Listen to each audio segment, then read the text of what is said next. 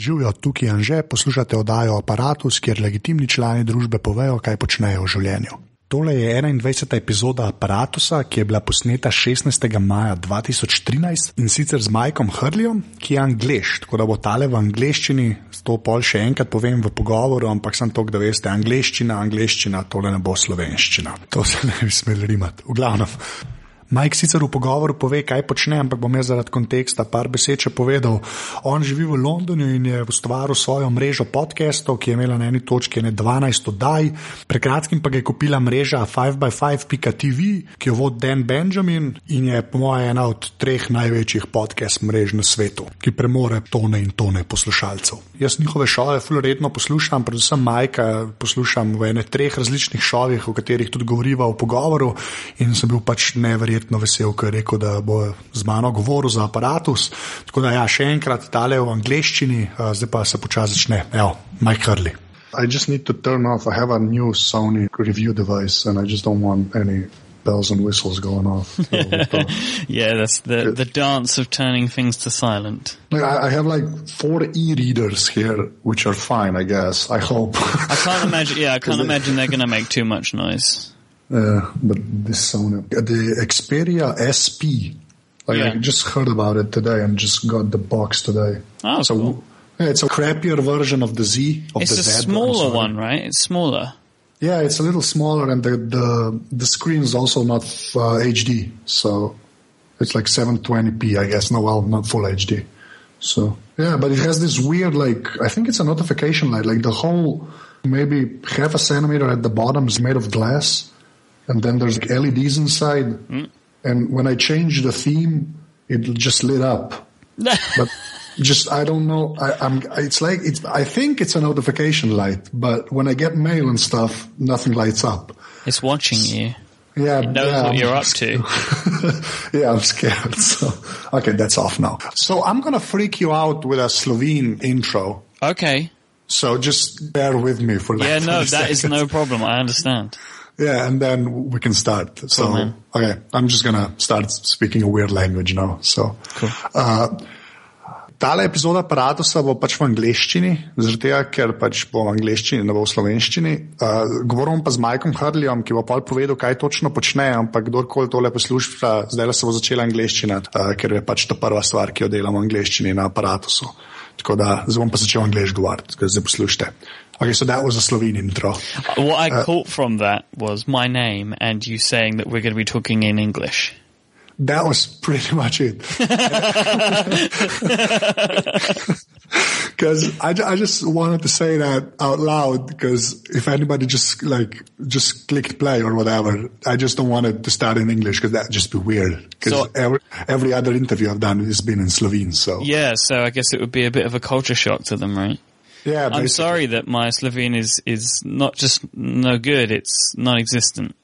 Um, Yeah, which I, I wanted to ask. You, you've seen my name, right? Yeah. When, when I emailed you, like, how would you pronounce that? uh, Anze Tomic? Oh, the, oh, you actually got the ch right. Yeah. Which, yeah, that usually never happens. But it's actually Angers because the Z has a little V on it usually. Right. But I just don't write in that because every time I talk to anybody foreign, just the that doesn't go through. Uh, yeah, I've had I've had the pleasure of working with many sort of Eastern European and European people in my in my working life, so I'm used to the way that some characters are, are pronounced, and to always go with my gut on that, You know, yeah, but like every time I talk to British people, my first name, the most I get out of them is Angie. Or like, like some sort of a girl's variation of, yeah, I might just start calling you Angie now. Is that okay? ah, this is, this, this was a mistake. okay, we should start. now. We should, we should. Okay, so my first question is kind of basic. So, like, who are you and what do you do? So uh, I am Mike Hurley. I am a podcaster. Um, a couple of years ago, uh, I I started podcasting and, and set up a network of my own called 70 Decibels, which um, I recently we were recently acquired by Five by Five. So that's sort of my new home. So I am a podcaster on the Five by Five network. But you do that after your proper job, right? Yeah. you actually have a full-time job and then you podcast. Yeah, I have a full-time job. Um, I work for a big finance company and I do marketing for them. And then in my evenings, my sort of hobby slash pseudo career is, is in podcasting. Then my next question was because I started listening to you guys uh, actually the Command Space, oh, the Bro Show actually before that, yeah. Good. So I started listening to back then, and you seem like a radio guy. Do you know what that what what I mean by that? Like, why do you like the audio stuff? And I think for I've always in, enjoyed podcasting since I first kind of since I first heard it back in like 2005. Like a, uh, it's always something that appeals to me. I'm not much of a, a, reader. I don't really enjoy reading. So podcasting is better for me because, you know, if, if I want to find out news and stuff like tech news, when I was really interested in finding it out that way, I would go to podcasts and stuff for that. So that was good. Um, and also for me as wanting to create in the same vein that I don't really like to, to read too much, uh, I also find it not difficult to write, but it, I find it very, very time consuming. And I feel like I can get my feelings out easier and a lot quicker when it comes to podcasting because I just speak and I really enjoy it. And as a way to, as a creative output, it's my favorite. And I've tried many, you know, I tried to be a blogger, but it didn't really get much success and I didn't really enjoy it. Like I, I've always sort of come to blogging in very short like bursts. So I'll write a lot in like a couple of weeks and then the fun sort of goes away for me. But with podcasting, I've been doing it non-stop every week for free and a bit years now and I love it just as much as the first time. Uh, when you said you're not much of a reader, right? In my experience, when I, uh, like I still do work in radio, like there's two kinds of people that go on air, right? There's the reader types, which are basically great for news and stuff. And then there's the guys that just basically, or girls, that just, uh, so that, that proper DJs, the people that come in between the songs. I just want to know why do you think you are not a reader and more of a DJ type person? I just have a very short attention span. yeah, okay. like that kind of breaks it down for me. Like I, I can read like some quick, you know, stories or whatever in, in RSS and, and, you know, like tech stuff, but I'm terrible at reading books. Like I can't remember the last book that I read cover to cover. I just lose interest very, very quickly in, in things like that. And I struggle to just sit and read a book for like an hour. Like I, I, I just get too, like I just get too distracted and I just think of other things. Oh, I want to do this. I want to do this.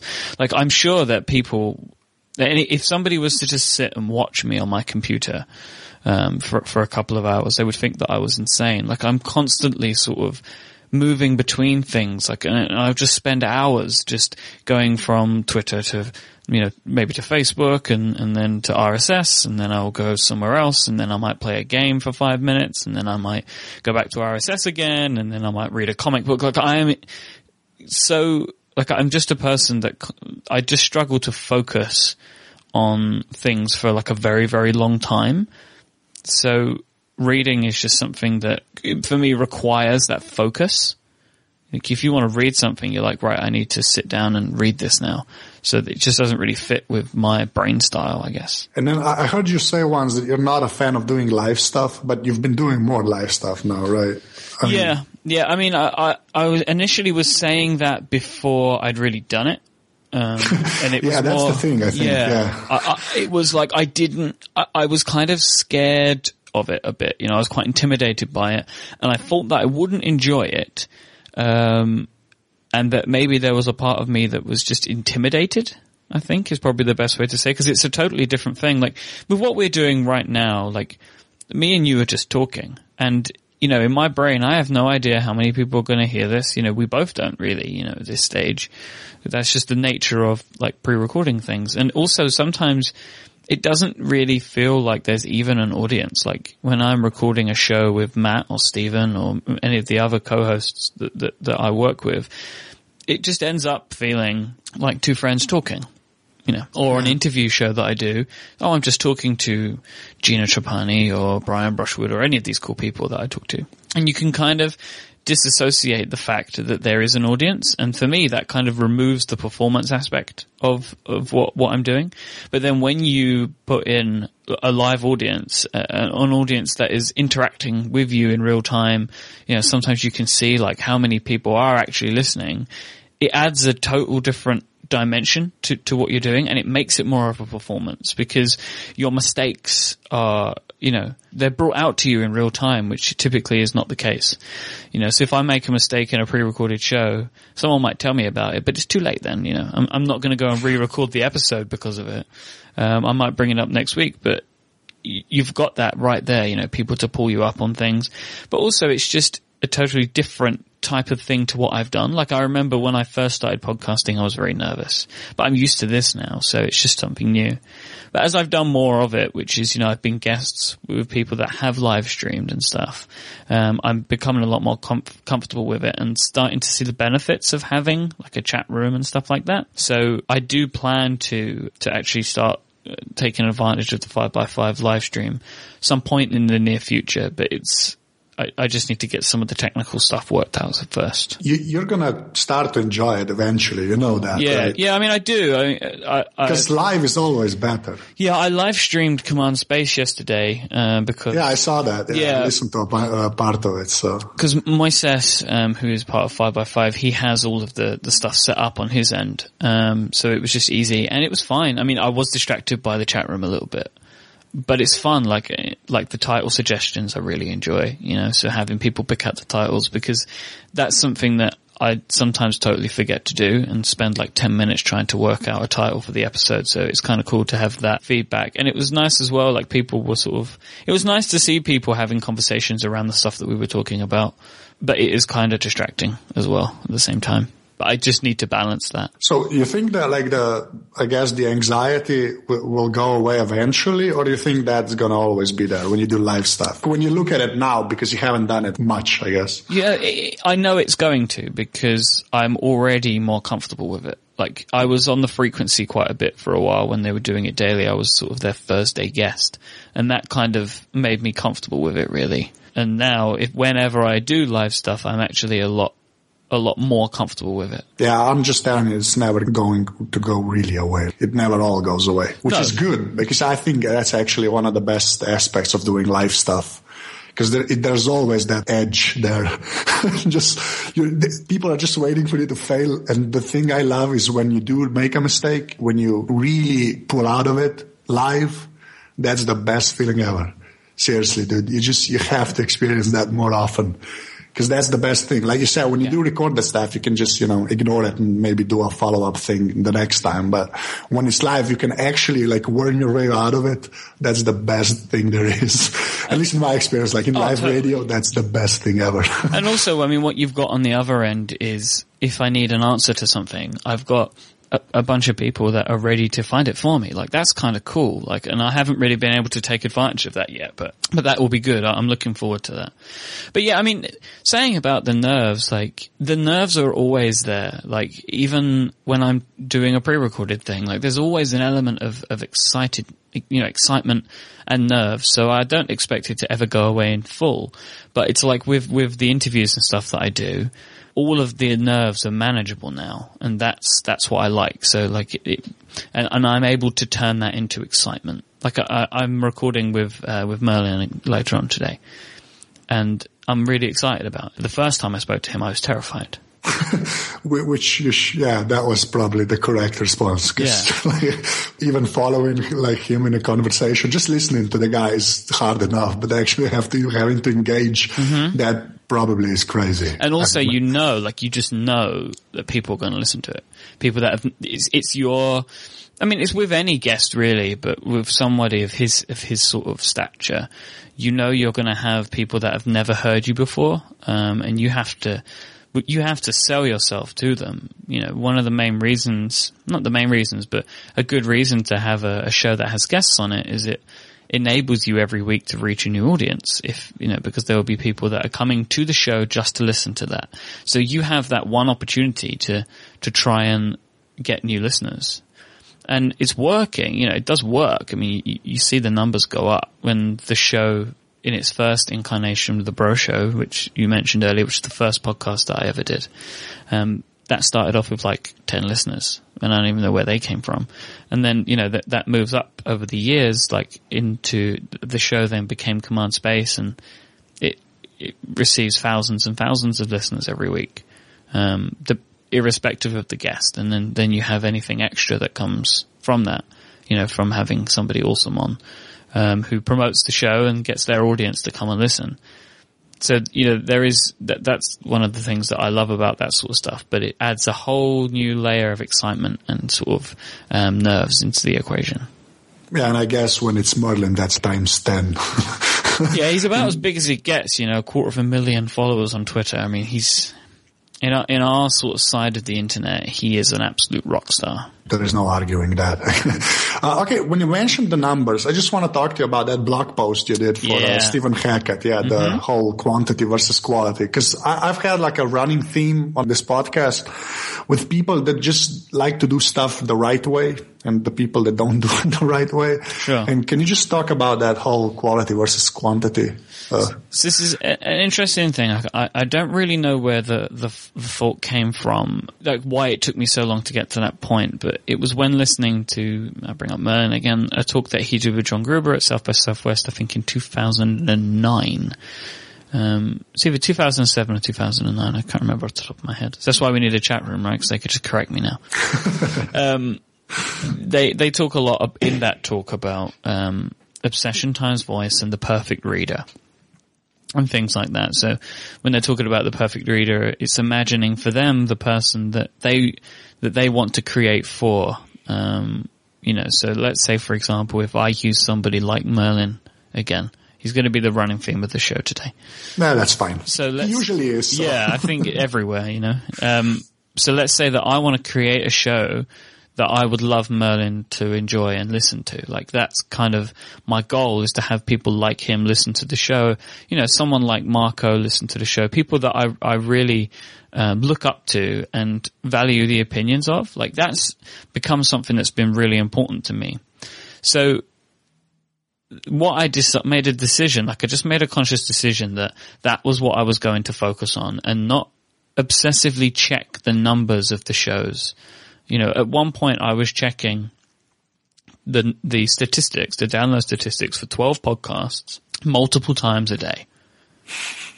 Like that's too much. Like that that is enough to drive you insane because a lot of the time it's really difficult to try and understand where those num- why those numbers are changing and, and there can be so many different factors that can that can you know that can attest to it. Sometimes you can work out some correlations between them and some patterns, but it's actually really difficult to do that.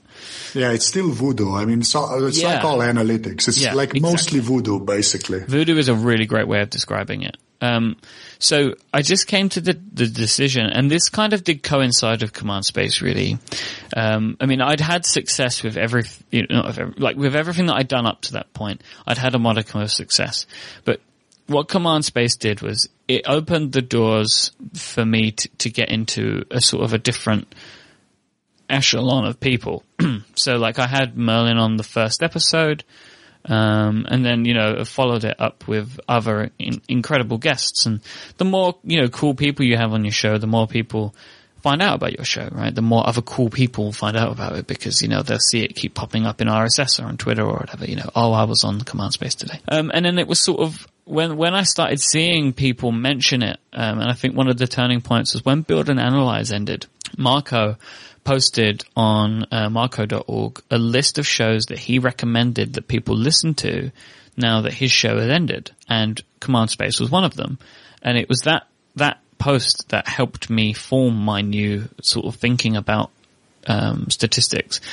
And it's that I was so chuffed to see that he, you know, so just amazed that he listened to the show and recommended it to people. And I was like, that's what I want to do. Like, I could find ways to try and boost the overall listener numbers of the show. Like, you know, there there are just things that you can cotton on to after a certain amount of time, things that you think people might like, and you know, there are ways that you can kind of try and trick systems and things like that. But I decided what was the benefit of that in the long run? I have a real big audience, but an audience that doesn't actually care because the way that I would have, you know, got to them is by kind of tricking them and, and there is no affinity built. So I decided that what I wanted to do was to work my hardest to create a good value, uh, sorry, a, a, real good product that people would value, um, that they cared about. Something that people wanted to tune in to listen to every week because it was good, um, and not because I found them somehow and convinced them to listen in some way. So, and I think that that's what I've kind of set out to create. And I think I'm getting to that point with Command Space because I know that there are people that I love that listen to the show. And once I started to see all of these things happen, it just showed me that really the important thing is that I create a real good quality product. Um, and then get real good quality listeners. And the more of them that I have, the more people will hear about the show through recommendations and just through people talking about the show and, you know, getting more great guests because they know that what they're going to come to is a quality interview show. And then this started to permeate out to all of the other shows that I do. And, um, I really just check the numbers for those shows like once a month to work out who gets paid what. Other than that, I might not even check, I might check them barely ever at all. And it's a difficult thing to do um, and there was still like, you know, I would maybe check command space more than the others, um, just because it was the newest, you know, but I still wouldn't be checking it multiple times a day every day. Um, and it just made me feel better because then when I would come back, I'd be like, oh, the last three episodes of The Pen Addict have, have been going really well and it's now one of the biggest shows that I do. And, and that's just a cool thing. And I'm like, well, obviously that's just because we've been concentrating on making the best show that we can make. And, and that feels a lot better than, oh, this guest brought in this amount. Oh no, this guest hasn't because you're checking it every week. Okay, so this this is going to be a great segue to the Pen Addict because cool. that's that's a show that should not exist. If yep. you know what I mean. I understand a hundred percent. Because it's I I just explain the Pen Addict because I can't. The, the Pen, Addict, Pen Addict is a weekly podcast that I do with Brad Dowdy, who runs and has run a blog for many years of the same name, uh, the Pen Addict. Um, and it's a weekly audio podcast in which we talk about pens and paper, like new stuff that we like, old stuff that we like, um, topics. You know, we might talk about um, I don't know, the best pens for a left-handed person, or we might talk about what different types of nib sizes do, you know, like on a fountain pen, you've got like broad nibs and fine nibs. Uh, but mainly it's me and him sharing, um, our personal obsession and collections of pens that we have and just every week just coming and being able to talk about it. It's, a show that couldn't exist anywhere except a podcast because there is nobody that can tell me and Brad that we can't do that show. Um, and the show has ha- actually had, had great success. Like it's, it's a very popular show, um, for me and the community around it is incredibly engaged. Um, of all, I mean, I have shows that have three or four times the download numbers and listener numbers, you know, uh, the audience basically of the Pen Addict. But I, d- I hear the most from Pen Addict listeners, you know, on social networks and email. It's the most feedback we get because the thing about that is, is it's such a niche. It's such a niche. yeah. Um, that there isn't anything for these people. Like, people that enjoy podcasts that have an obsession with pens don't have anywhere else to go really. There's a couple of places, but some of the stuff that I've checked out hasn't been the greatest quality. There is some stuff, but um, a lot of that actually did come after our show. So, you know, we kind of have that audience cornered out now. And I'm sure that at some point we're going to reach the logical maximum amount of people that will have the show, you know, because yeah, at some yeah. point, at some point you're going to find everyone. But this is what I, one of the things that I love about podcasting is you can service so many niches. I mean, this is the internet in general, right? It's all about servicing niches, but every podcast, contrary to popular belief, does not have to be about Apple news. And what me and Brad have created is something that's really different and a lot of fun. And it is you know, frequently one of, if not the favorite show that I record every week because I get to talk about something that I only get to talk about once a week. And I, yeah. I love it. It's great fun. When I just read the description of the show, I was like, I am not gonna listen to two guys talk about pants, Basically, that was my initial reaction. The reason I started listening was basically because I heard my dad. My dad does like industrial and graphic design, and he like he made his own pen basically, no. like just and he just talked about the ballpoints that you can put in it for like half an hour to me, and that kind of made me realize that maybe there's something to it, and he, he cannot be alone. And I'm one of you people now, which is sad, I guess. There are so many. This is the thing, right? This is the problem with the pen addict, and I think it's because me and Brad love this stuff that our passion for our obsession is infectious because there are so many people that contact me like you and say, I didn't really care about this stuff, but now I've just spent $60 and I'm ruined and my wife hates me is an email that we get all the time. And it's cool. I, I, like it. You know, I don't want anybody's family to hate them, but I assume they're joking. Um, you know, if it is cause, if, if your pen addiction is causing you problem in your family life, then please stop listening to the show and, and reassess what's happening. But, um, I, I just, I love making the show and I love that, that there are people like you who have come to the show and found it and now have a, a new addiction along with the rest of us. Yeah, so yeah, I'm glad somebody's happy. So I just want to talk to you about one more of your shows, and then we'll go into like a broader conversation about the internet and stuff because I have some things to talk about there. But sure. Bionic, right, which is you and Matthew, Matthew Alexander, Matthew I guess I should Alexander. say. When when you started doing Bionic, was the plan always to consciously focus on stuff that's not Apple? Yeah. So basically, hang on one second. I need to take a drink of water. I don't think I've ever done this before. That's fine. I'm going to do the same. So we so, can just, oh, yeah, I'm just going to leave this in. So just, yeah, of course. The two, yeah. You have to leave it in. Uh, never cut, never edit for content. Um, basically, I wanted to create a show about Android. That's what I wanted to do. Um, I don't know where this desire came from. At the time, I didn't even have an Android phone. Um, I'd had Android devices in the past, but I planned to buy an Android phone and create a show that covered Android and I couldn't find a co-host. Nobody would do the show with me. Nobody. I contacted friends, um, people that I thought would be interested. Nobody wanted to do it. And then, I mean, I'd, I'd known Matt for a bit. I'd had him on as a guest on a couple of shows and we'd become friends, you know, like, yeah, we were, we were friendly because, you know, we are both British and, and, and, you know, we, we had that link there. Um, and I think it was Stephen Hackett who said to me, you should get, you should do that, you should convince Matt. And I basically then took a couple of weeks doing my best to convince him to do the show with me.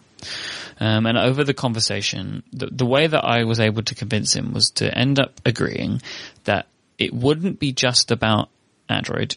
It would be about, as Matt put it, ecosystems that competed to Apple's and that's sort of how the show was born. So what we what we now have created is a show in which we talk about technology, but don't have shows about what Apple does. That's the thing. That's why I like the show. When Bionic comes out, that's it. I just listen to it right away. That's yeah. the only show I do that for. And this is flattery, but just thank roll you. with it. no, I, I love hearing it. So thank you for saying it. Yeah. So, but the thing is, because I love that conscious decision of just not being in one camp or the other, which is so prevalent ever since the iPhone came out. That's been the whole narrative of the entire tech industry. It's just been these little tribes of people just yelling at each other and throwing stuff. So how, how much of uh, the aversion to that kind of tribal mentality went into that decision? Well, see, it's one of those things like I'd been a, um, a professed Apple fanboy for years, but I just wanted to try some new things. And over the course of the show, both of mine and Matt's opinions about the way that technology is covered has changed. Um, and we're both more open, excuse the turn of phrase, to, to other companies now. I mean, we are both big fans of what Google is doing. Um, as well as what Apple is doing. And I feel like I personally am much more objective um, than than I was before. You know, previously I would be listening to, to shows or reading tweets or blogs, you know, with other people that, that are big fans of what Apple does. And I would be like going on, be like, yeah, Google is evil, open is stupid.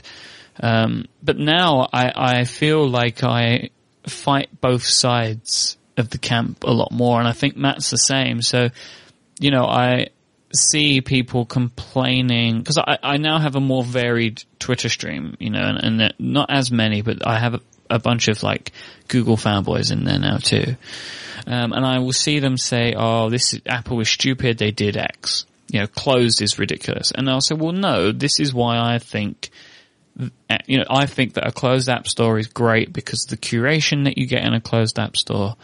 And then I was, you know, but, but I see that an open app store is great because it allows um, applications that couldn't exist otherwise. Apps like Tasker for Android and stuff like that. Um, apps that allow me to change my launcher and customize it the way that I want.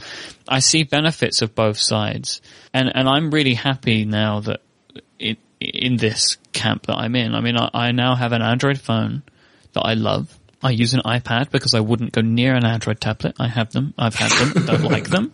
Um, and I am a, and I use Macs. And, and I, honestly, I feel like I could go, you know, I could, I could switch back to the iPhone tomorrow if there was a reason that I wanted to. And it wouldn't bother me uh, because I know that I would go back to Android as well if I felt that it was the right thing. So I feel a lot more platform agnostic now and, and I'm happy. I'm happy that I started Bionic because it allowed me to sort of open my eyes to other things that were going on in and around the world of technology. And Bionic is also a show about uh, pleasurable cruises, right? That's the Yeah, yeah. that's the other. Because I just love lo- love the fact that you actually had to explain when you guys moved to five by five. The, you, you actually had to explain that you do not talk about No, I feel like liners. I feel like I have to explain to people that don't understand Matt um, what he's doing. Um, he has a very specific comedy styling that I enjoy, and I think a lot of people enjoy. But if you are unaware of the backstory of these things, you won't understand. And the thing about him is, he will not give you the opportunity. Like, he will just say it. He'll be like, yeah, sexy cruise. And, and that's it. Like, and he won't, like, oh, this is what the sexy cruise is. He would, I think, prefer it if we didn't explain it. Um, but, you know, within the first two minutes of the show on 5x5, he's already talking about pleasurable cruises, which doesn't make any sense. Um, and so he has to be, I feel like I have to rein him in sometimes, which is fun, I think, for people that listen. Yeah, and also because you, you two are both British, I imagine the American audience takes everything you guys say a little bit more seriously. Yeah, I just don't- I because don't know. of the accent. I don't know how uh, we're perceived by our audience. I presume it's well, but I think Well, every like you, you guys have a dynamic, and that's a good one. Is pretty rare. yeah, we are like- we're extremely close friends. Um, and he is one of the people that I know online that I have actually seen multiple times. We've had dinner together, we've had lunch together, we've had breakfast together, not at the same time. That kind of sounds as weird as Matt would make it sound. yeah, I was just. Gonna, Um, yeah, okay. yeah, we, we have spent, he has come to London many times in the last year or so, and every time he's here, we spend time together because it would be stupid if we didn't, because we're very close friends and, and that's great. And he's, I will be spending lots of time with him at WWDC, which I'm very, very, very excited about and looking forward to a lot. You're sharing a hotel room with Stephen, right? Sharing with Stephen, yep, me and Stephen are sharing Yeah. together. Matt, um, has probably got a boat somewhere that he's sleeping on. Uh, okay, now just I want to just talk to you about the internet because the one thing I always, when I'm angry at you guys, like I'm not like angry, angry. When I get really frustrated, is because everything you talk about in technology is basically just America and the UK, which is like to everybody else in like Eastern and Central Europe is basically the same thing. And what I what I mean is like stuff like uh, autocorrect and stuff like that. All of that stuff works way better in English. Oh, I'm, oh, I'm sure. Uh, yeah, yeah, that yeah, doesn't you know, surprise me. that's the one area where you guys really just gloss over a bunch of crap that we have to live with, basically. Yeah, it's a shame because I don't see it. Yeah, th- that's know? the thing. How how aware are, are you of stuff like that, and the fact that maybe the rest of the world really doesn't get everything on Amazon and Netflix and. Oh, I know that. I mean, I totally get that because in the UK we get a raw deal, so I am sympathetic to that. I mean, we get a lot better than you guys, um, but it's it's bad compared to the states, right? So I, I'm sympathetic to that, but specific issues. I mean, it sounds terrible. The only ones that I ever know is the stuff that Federico Viticci complains about. That makes me see a bit like you know he, one of his wishes for iOS seven is like. Um, to be able to select languages for maps, which nobody else would even consider. Because what American person needs a different language for their maps, you know? Yeah, and that's just the thing. When I write my name, I never use the proper lettering, like anywhere, like Sure. even not just online. Forget phones, because you say I never know what's gonna happen on the other side. Like the first time I ordered something from America through eBay, I wrote my name like I write my name with our letters, with the Z, with the little V, and the C with the thing on it, right? I bought some shoes because I'm tall, and like uh, the shoes didn't get to me for like I think two months or something because the the person that I bought them from, his printer couldn't understand the two letters, so it was just gibberish. So he sent them to the right address, but the postman couldn't find me because it was like my name was like A N and then just a, a string of numbers. That doesn't make any sense. But yeah, see, that's the strange stuff, right? Because those characters, the accented characters, don't exist in English, but they do in so many other languages that use the Roman alphabet. It's, it's so strange that, like, that, that we are so insular that we don't see that. And I can appreciate that for listeners outside the US um, and the UK and other just or just native English speaking countries, how they can get frustrated with us. I, I totally understand that. Like, I imagine that the frustration bleeds into all of these types of publications and broadcasting companies and stuff because we only cover the stuff that we are familiar with and we see. Okay, that was like my pet peeve when you guys talk. Sorry, just I have to like this is one of those rare occasions when you when I say stuff in my mind, I can actually say it to you, and you have to respond. So Well, see, it's like, what, what other chance do you get to uh, to say this to someone? You know? Yeah, but that, that's it's like really underreported because I, I write for a tech magazine. I just did a big piece on uh, e-readers, Sure. like which one to get and what. And like the the first thing is the language. That I think like the second sentence I had to write was like if you can like read English or maybe French and German, just get the Kindle and be done with it. That's pretty much like all the advice a person needs. But but if you only read Slovene, it's uh, that's yeah you're screwed basically. Yeah. And it's like that kind of stuff. It, it seems weird. It's not like I get why you guys don't talk about it too much because you live there and it doesn't matter. But I just wanted to ask like how much you're aware of it. And I guess you are. And, and Federico is like a perfect example of this stuff. Yeah, I saw that iOS wish list thing and I was like, yes. Yeah, because he has a great like a platform to to speak from and to get these feelings out. He's I guess he's like an advocate for the rest of Europe, right? Yeah, that's why I like his stuff. Honestly, seriously, like uh, when I listened to the Command Space uh, episode you did with him, right? Uh, uh, when when you read his stuff, his English is basically flawless, right? But when I heard him talk to you, he's like an average Italian speaking English. Yeah. Because yeah, we we neighbor Italy, so I yeah have experience with Italians speaking English, and it's never great. But yeah, Yeah, to me, to my untrained ear, there are some similarities between your accent and his. And that would make sense considering the countries are so close together. Oh, oh uh, you you think so? But our languages are just not even in the same. No, the, the languages are nowhere near the same. But the Oh, just the accents- accent, Yeah, kinda. the accents sound quite. There, there are some some sounds which I pick up from you that that I will hear from him. Yeah, well, we, we pronounce the g correctly. It's not a g and uh, st- stuff like that. We just, yeah, we can read and okay. Anyway. no, because I love the whole Z and the Z stuff you guys do, right? And the H and H.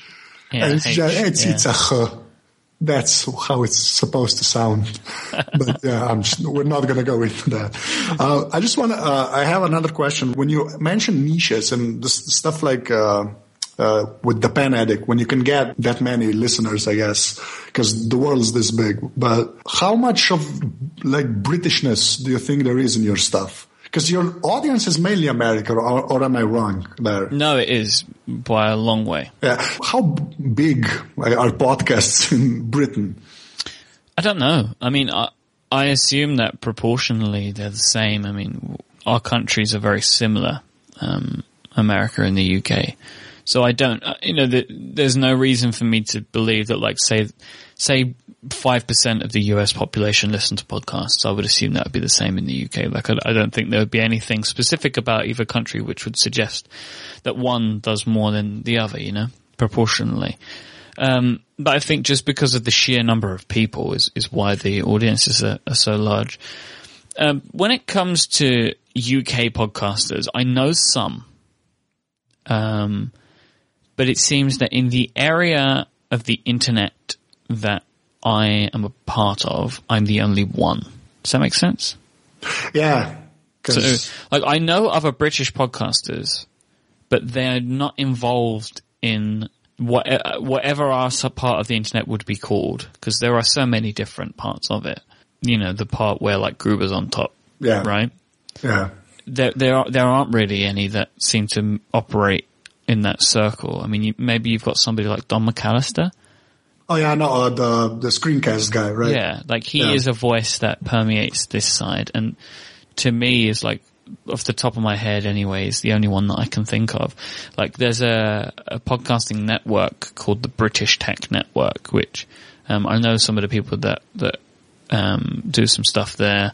Um, um, you know, Don actually participates in their Mac show that they do, and I've done some stuff with them, some live shows and that, you know, just sort of like British podcasters standing together. Um, and the, but then like, we then tend to have loads of independent stuff and then the BBC, right? The BBC, the BBC are very prolific with podcasting. It's something they picked up. And a lot of BBC radio shows have their own shows. But I think it's why, I mean, we had a, we, we have and had a great relationship with iTunes in the UK to the point where they made us one of their featured providers. Now, I was sitting in the featured providers list along with like national radio stations and international broadcasting companies on the UK podcast store because there aren't that many UK networks of any size. So I think that they were happy that there was somebody independent based in the United Kingdom who was doing this stuff, and that was why they wanted to to feature us. And they did. You know, we, it was great. I mean, and I was I'm really really happy that they did because I think it helped open us up to even more people. You know, and it was it was nice just to have that recognition from them. Yeah, it's the same here actually, because we have like our version of the BBC, and there's a group of guys there that are trying to push uh, shows into the uh, into iTunes. So like right now, the top ten podcasts are basically my stuff, which is two podcasts, and then another independent crew, and everything else is basically the Slovene BBC. Yeah, sure. yeah, That's, yeah. uh, so I, yeah, that, that's why I wanted to ask that because I just wanted to know if it's the same there. Because when I checked the UK uh, iTunes store, it was that's the impression I got. So it's good to know that we're not the only ones in that situation. yeah. Uh, okay, then another thing I wanted to ask you because you're a podcaster, like, could you recommend some stuff that's not your own? Because we went through your main shows, but some stuff that people might want to listen to, even if it's if it's tech related or not. I think, uh, yeah, I would love to, and I, and I don't want to talk about five by five stuff. Yeah, that's fine. Yeah, just like some stuff that maybe isn't that, that well known or, you know. Yeah, sure. I mean, well, because I guess people know the five by five shows that I listen to, right? You know, we we all listen to them. Um, Maximum Fun is a network that I've recently come across. Uh, Jesse Thorn is the host of that network. And there's a couple of shows that I've been enjoying there. Uh, Jordan Jesse Go is one. I mean, they are big, but I don't know. I mean, I'd, I'd known of them, but I hadn't listened. And also Judge John Hodgman. It's a great, Oh, that's awesome. I listened to that one. great show. I, I love it. And after only a couple of episodes, or basically after listening to my first episode of both of those, I became a Maximum Fun um, uh, donor. Yeah, because the Hodgman podcast is the best in-car podcast you can have. I can imagine it is actually. Because that's like live radio. It's Yeah. just way funnier than anything they do. What I love about Judge John Hodgman is that it is a different format. It is a totally unique format, um, and that's what I love about it. You know, it's it's as if it's set in a courtroom. It's very very clever. Um, there's a show on a network called the Frog Pants Network called Comic Dorks that I enjoy. It's a comic book show um, for people that in, in, enjoy such things. Um, Pat Dryburgh's Hundred Down show is, is very entertaining. It's like a health and fitness type show, but Pat is always good fun, so it's good to listen to him. It says he's trying to lose hundred pounds. Yeah, I've listened to a couple of his episodes. I like his stuff anyway, so yeah, that's a good one. There's a small network um, called SSKTN. Um, so it's those those letters. It's uh, run by uh, my friend Chris Enns. Um, I believe SSKTN stands for Saskatoon, which is where he lives in America. Um, and he has a couple of shows that I enjoy. One's called Show Me Your Mic, where he interviews podcasters. So naturally, I enjoy that. Um, and another show called Too Lazy to Blog, which he does along with another couple of podcasters that I enjoy, um, called Tim Smith, who has uh, a show called The East Wing, um, and also Adam Clark, who has a show called The Gently Mad, which is a design show. The East Wing and The Gently Mad are both design shows, but they, they got together and did this episode. It's kind of self-serving for me in a way. The three of them got together and did an episode of Too Lazy to Blog where they spoke about, um, the acquisition of my network. And I listened to it, right, because I wanted to see what they had to say because I knew I'd spoken to them all individually and knew that they enjoyed the network. Because one of the things that I was, a slight aside, one of the things that I was concerned about with the acquisition is that the fans of 70 decibels wouldn't be happy about it. Like, you know, that I was no longer independent. Oh, but getting acquired by five by five isn't really like you, you weren't Yeah. acquired by demand, you know. I Exactly. mean, and also, uh, it wasn't like I was acquired by a network that nobody loves, you know. yeah, yeah, the opposite happened basically. Yeah, exactly, and and and has made things and will continue to make things more awesome. But yeah, they do a show called Too Lazy to Blog, and the three of them together, they're both uh, sorry, they're, all three of them, very talented podcasters, and I think that they all have, if they want it, you know, a future in this stuff, if they want it. Um, and the three of them together have a great chemistry that, that I enjoy.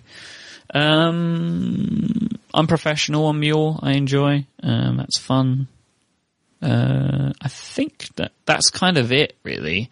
Like of the sort of the regular shows that I listen to that aren't big network stuff. You know, I love Accidental Tech Podcast, Back to Work, yeah. you know, all of those great shows, you know, Screen Time, Comic Shack, uh, Mac Power Users, in beta. I listen to so many shows, like it's ridiculous. I have like 60 podcast subscriptions. Yeah, it, my pocket casts look the same basically. So, and speaking of pocket casts, like the, the last part of my show is always the hardware and software you use. Sure, yeah. So we're, we're not going to go into podcasting here because that's just interesting to me and you and seven other people. But Yeah. like, uh, what's your main machine and your phone? I know your phone situation, but yeah. So I use a, I use a Nexus 4 at the moment, um, which I love. I love my Nexus 4. Um, and I use a 13 inch Retina MacBook Pro. I don't record onto this, but this is my computer. I record onto a Mac Mini.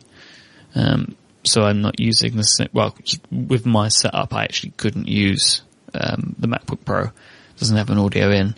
Um, but I wouldn't want to record and I used to, um, but I wouldn't want to now record and keep up show notes and stuff on the same machine at the same time. That just seems dangerous. Yeah, I'm, I'm the same way. I have a dedicated machine that just does uh, the recording because so many things can go wrong. Yeah, you just don't want to mess with that, right? You, you want to just leave that alone to do its thing. Yeah. Okay, and on the software side, the apps you actually use. That's the the, the phrasing I use. Should I Like talk the- about some Android apps then? Yeah. So uh, my favorite apps on Android, Pocket Casts is fantastic. Um, Falcon Pro for Twitter, I love. Um, Press, which is a fantastic RSS reader. Uh, Robin, which is a great app.net client. Um, I use Astrid Tasks. It's unfortunately going away soon because Yahoo bought it. Yahoo bought them. Yeah. What? I, okay, I missed that one. Okay. Uh, Evernote. I've been using, getting more into Evernote again. Um, and then on the Mac, I, I use Tweetbot, um, Reader, Instacast, Audio, and I recently switched to Google Chrome from Safari because the more information I put into Google, the better my experience is, in my opinion. Yeah, but they're evil and they're gonna abuse it and blah blah blah. Apparently so, right? This is what the internet's telling me. Yeah. I, I'm with you guys. I I don't care. No, I don't care either. I mean, as I said to somebody who was saying like, oh, they have so much information, I don't trust them. It's like, well, who do you trust? Like, what company do you trust then? Yeah, because I don't, I don't get the distinction really. Like when it all boils down, I don't get what the difference is between like Apple having your like credit card information and Google having it. Yeah. I don't. I, I I understand they're selling ads against it, but Yep. I don't. It's still a, a corporation. I don't see the distinction really. I agree. I mean, because like, yes, they are selling ads against that information. I understand that. Of course, that makes sense that they will use that back to me. Just because Apple isn't selling ads doesn't mean they're not using the information for something else. Yeah, that, yeah, that's the thing. And I, I love the people that just say, yeah, I'm not going to give Google my phone number. And I'm like, dude, like 17 people have already done that. Like, I, really, yeah, yeah, it's too late. They- yeah, if you know somebody who is connected to the internet, Google has all of the information on you that they already need. yeah. Just, I just think to myself, what's the worst that's going to happen? Like, really, what is the worst that's going to happen? Yeah, and the thing is, like, I just talked to somebody like last week who was set, that set against giving Google anything, and that's why they were on Yahoo. I don't, Oh, perfectly safe then. No problem to worry about Yahoo. It, it's, yeah, because they're great with this kind of stuff. So, yeah, yeah. you know, they're not a company that's in trouble. That's another reason I like Bionic, because you guys, that, that's my sentiment exactly. And everything I write and say is in that vein. And yeah, that's, that's one of those things that I'm just like, finally somebody. Uh, okay. And then my last question. This is the last one. Is there a piece of hardware or just something physical, something you can hold that was the best thing that ever happened to you? And like I know everybody says the iPhone and whatever, but like anything, it can be like I had people saying electric kettles to me and like uh, uh, room heaters and stuff like that. So it doesn't have to be like techie, but just like a piece of hardware that really felt like it was made for you. Oh man. See, that's such a hard question to not say the iPhone or the iPad, right? Because uh, of what they did, you know, they revolutionized the way that we communicate. So it's, it's difficult to not say that. Like I'm now looking around and trying to find something that I can tell you other than that. And I don't know, maybe, maybe my microphone. That's a, yeah, that, I'll buy that. Yeah. Um, Which is what now? I use a Heil PR40. Oh, okay. The one with the screen that looks like a monocle, right? Yeah, yeah, you have to buy one of those, but yeah, I have the little monocle screen, like the pop filter. Um, I don't have everything that I need to make this microphone sound as good as it could. Um, you know, I, Yeah, I am like, aware that I I- need preamps and, and all these things, and but you know, I feel feel that the way it sounds at the moment is is much better than my microphone sounded before. So you all have the day to look forward to, and my voice sounds even better. um, but this microphone allows me to do something that I love. Um, and it's changed my life. I've had microphones before this, so, you know, my Blue Yeti is also very important to me, which is why it still sits on my desk. I'm talking into one right now. So yeah, I get I think it's a great mic. It's not the best USB mic, but it's a great one to start with. Um, they, you know, and they, they are also, for me, in my opinion, paving the way to the future of my career. You know, I, I do believe I still have my fingers crossed for this year, but that I will be able to take podcasting full time. It will happen, just a matter of when. Yeah. And when that does, I'm going to be happy as always for you guys. And So, that, I mean, that's you. one of the reasons I think it will happen is because there are people that want it to happen that aren't me. And I think that's important because that means people will be there to support me and follow me. Because if nobody's listening, nobody, if nobody cares, nobody listens, then I won't have a job. Okay, we have to end more upbeat than that. So yeah, you're you're gonna do this full time. Just say just say that sentence and then we can stop. I'm going to do this full time. Uh, Mike, where can people find you online? I just wanted to say that to you, so just do your thing. Uh, yeah, 5by5.tv. Um, that's where you'll go to find most of my podcasts very soon, all of them. Um, I'm on Twitter and app.net. I'm imyke, I-M-Y-K-E. I think that's it. Okay, that that's it. This, this this that's all I have. That's and it's 55 minutes. I'm, Hey, that's I'm- good. To je bila 21. epizoda aparata, ki je Majka najdete na netu, je že sam povedal, jaz sem na Twitterju afna anzet. Če ste se slučajno naročili na podcast v iTunesih, bo pa kakršna koli cena tam dobrodošla. Evo, to je do naslednje srede to. Čau!